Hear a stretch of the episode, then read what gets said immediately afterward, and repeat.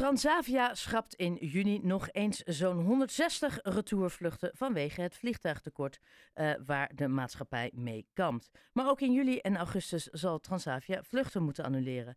Ook KLM zal moeten gaan wegstrepen. Wat betekent dit voor de reizigers die hun tickets al hebben geboekt? Ik vraag dan Doron Sayed, Schiphol-verslaggever voor NH Nieuws.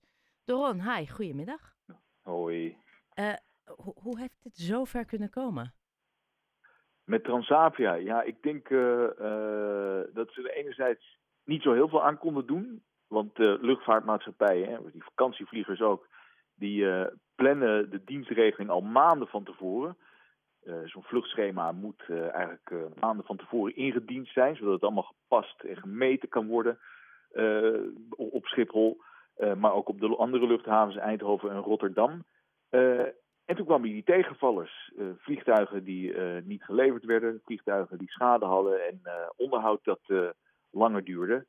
En ja, zo keek Transavia flink op, op zijn neus. Maar vooral de reizigers die dus zo'n onverwacht belletje kregen dat ze toch niet op vakantie zouden gaan. Of een dag eerder of een dag later. Of met een, op een, vanaf een andere luchthaven. En, en, en heel eerlijk, kan dat zomaar? Wordt dat dan vergoed? Of ik bedoel, hoe, werkt dat? In hoeverre is de passagier daarvoor beschermd, financieel gezien, maar ook op andere vlakken? Ja, ja dan, dan heb je die claimbedrijven die dan meteen in dat gat springen en inderdaad uh, voor jou dat werk gaan doen en 30% daarvoor vangen. Transavia die zorgt er wel voor dat je je geld terugkrijgt of uh, dat je uh, ja, op een andere dag vliegt. Dus wat dat betreft kost het je geen geld, maar ja, dat vliegticket is niet het enige dat betaald is. Eh, je betaalt vaak ja, of een pakketreis of uh, de, de accommodatie heb je zelf geboekt of een huurauto. Dat soort zaken, ja, dat, dat moet je dan zelf zien te regelen.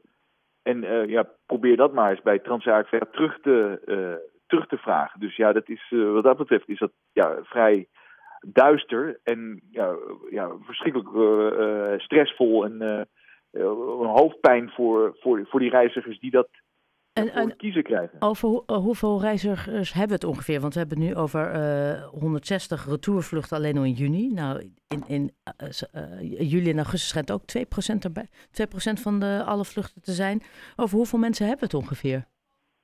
Ja, in de maand juni, maar dat, daar heb ik dus met natte vingerwerk een beetje berekening op losgegooid. nou, Transavia heeft Boeing 737's, vooral 737-800's.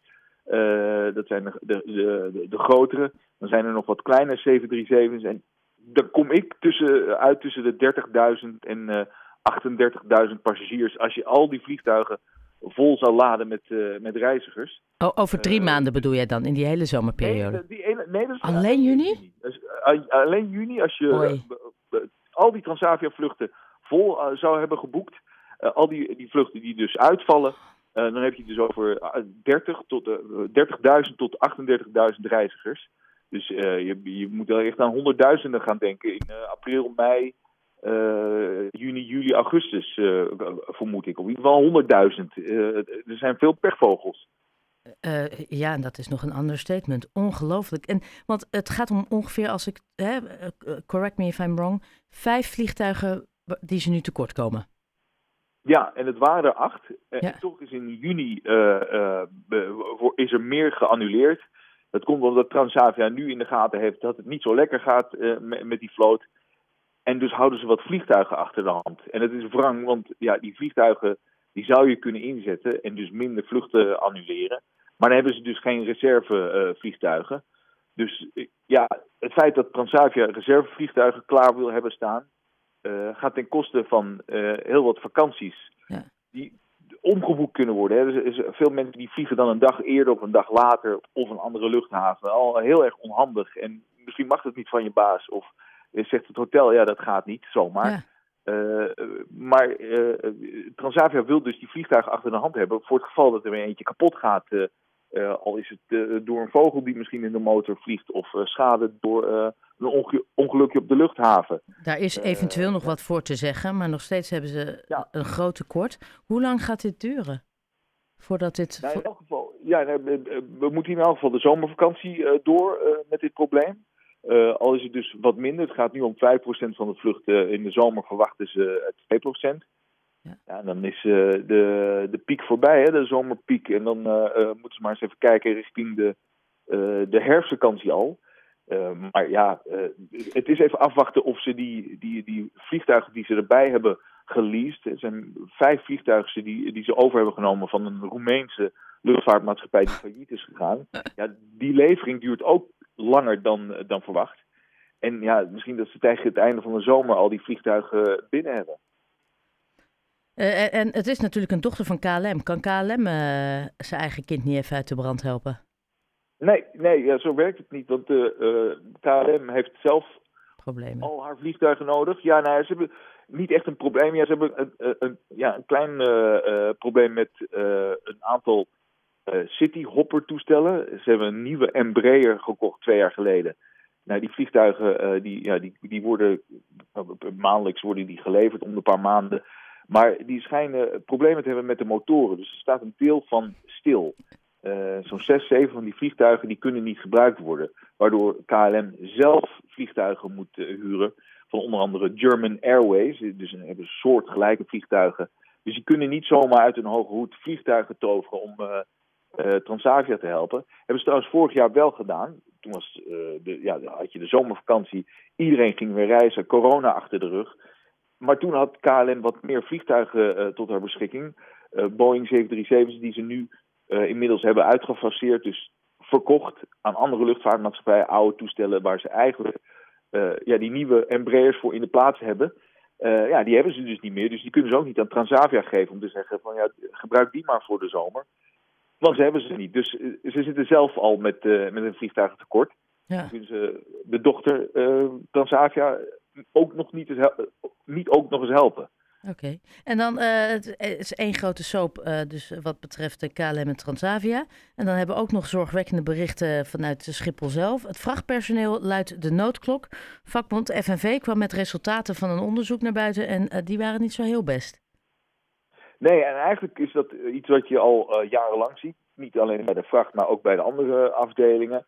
Dat, er, uh, dat de arbeidsomstandigheden uh, ja, onvoldoende zijn, dat, dat ze gezondheidsklachten hebben, dat ze door hun rug gaan, dat ze ziek worden, dat er veel ongelukken zijn. Hè, we hadden het er net over, die vliegtuigen die botsen nog wel eens tegen voertuigen.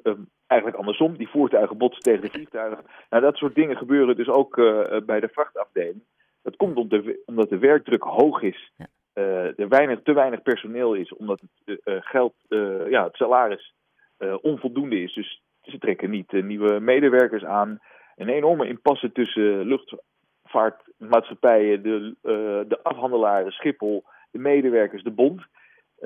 en ja, nu zijn het de, de luchtvaartmedewerkers die van zich laten horen. doen ze al jaren, maar ze waren wat onzichtbaar omdat dat niet echt tot de verbeelding spreekt. We vliegen allemaal vanaf de terminal met uh, passagiersvliegtuigen. En ja, we hebben geen idee. Wat minder sexy. Ja, het is, wel, het is, wel, het is minder mediageniek. Uh, maar dit interesseert ze niet. Ze zijn dus nu naar Schiphol gegaan om te zeggen: ja, het moet voor ons ook beter worden. Ja. Uh, die beveiligers die zijn erop vooruit gegaan. nu wij nog. Maar ja, dat is nog een lange weg die ze moeten. Ja, want hoe heeft Schiphol hierop gereageerd? Nou, Schiphol wil wel. Dat, die zijn echt wel met een, met een nieuwe. Ja, die zijn nieuwe koers ingeslagen wat betreft werkomstandigheden. Nou hebben ze dat dus al kunnen bereiken bij de beveiligers. Dus beter salaris, betere werkomstandigheden. Maar dat komt omdat Schiphol zelf die beveiligings, be, beveiligingsbedrijven inhuurt. bij de andere bedrijven, dus de vliegtuigafhandelaren, de luchtvaartmaatschappij afhandelaren, dus ook de vracht ja, daar, zitten, zitten de luchtvaartmaatschappijen tussen. En die hebben contracten afgesloten en zeggen: ja, wij gaan niet opeens meer betalen omdat jullie uh, meer salaris eisen. Uh, de Schiphol wil wel, die wil daar wel uh, ja, in, in, in bemiddelen. maar zover zijn ze nog niet om ja, die arbeidsomstandigheden beter te maken. Want dan moeten die luchtvaartmaatschappijen, klanten uit binnen- en buitenland, ook meer gaan betalen. ja, en dat, daar, zover zijn ze dus nog niet. Oké. Okay.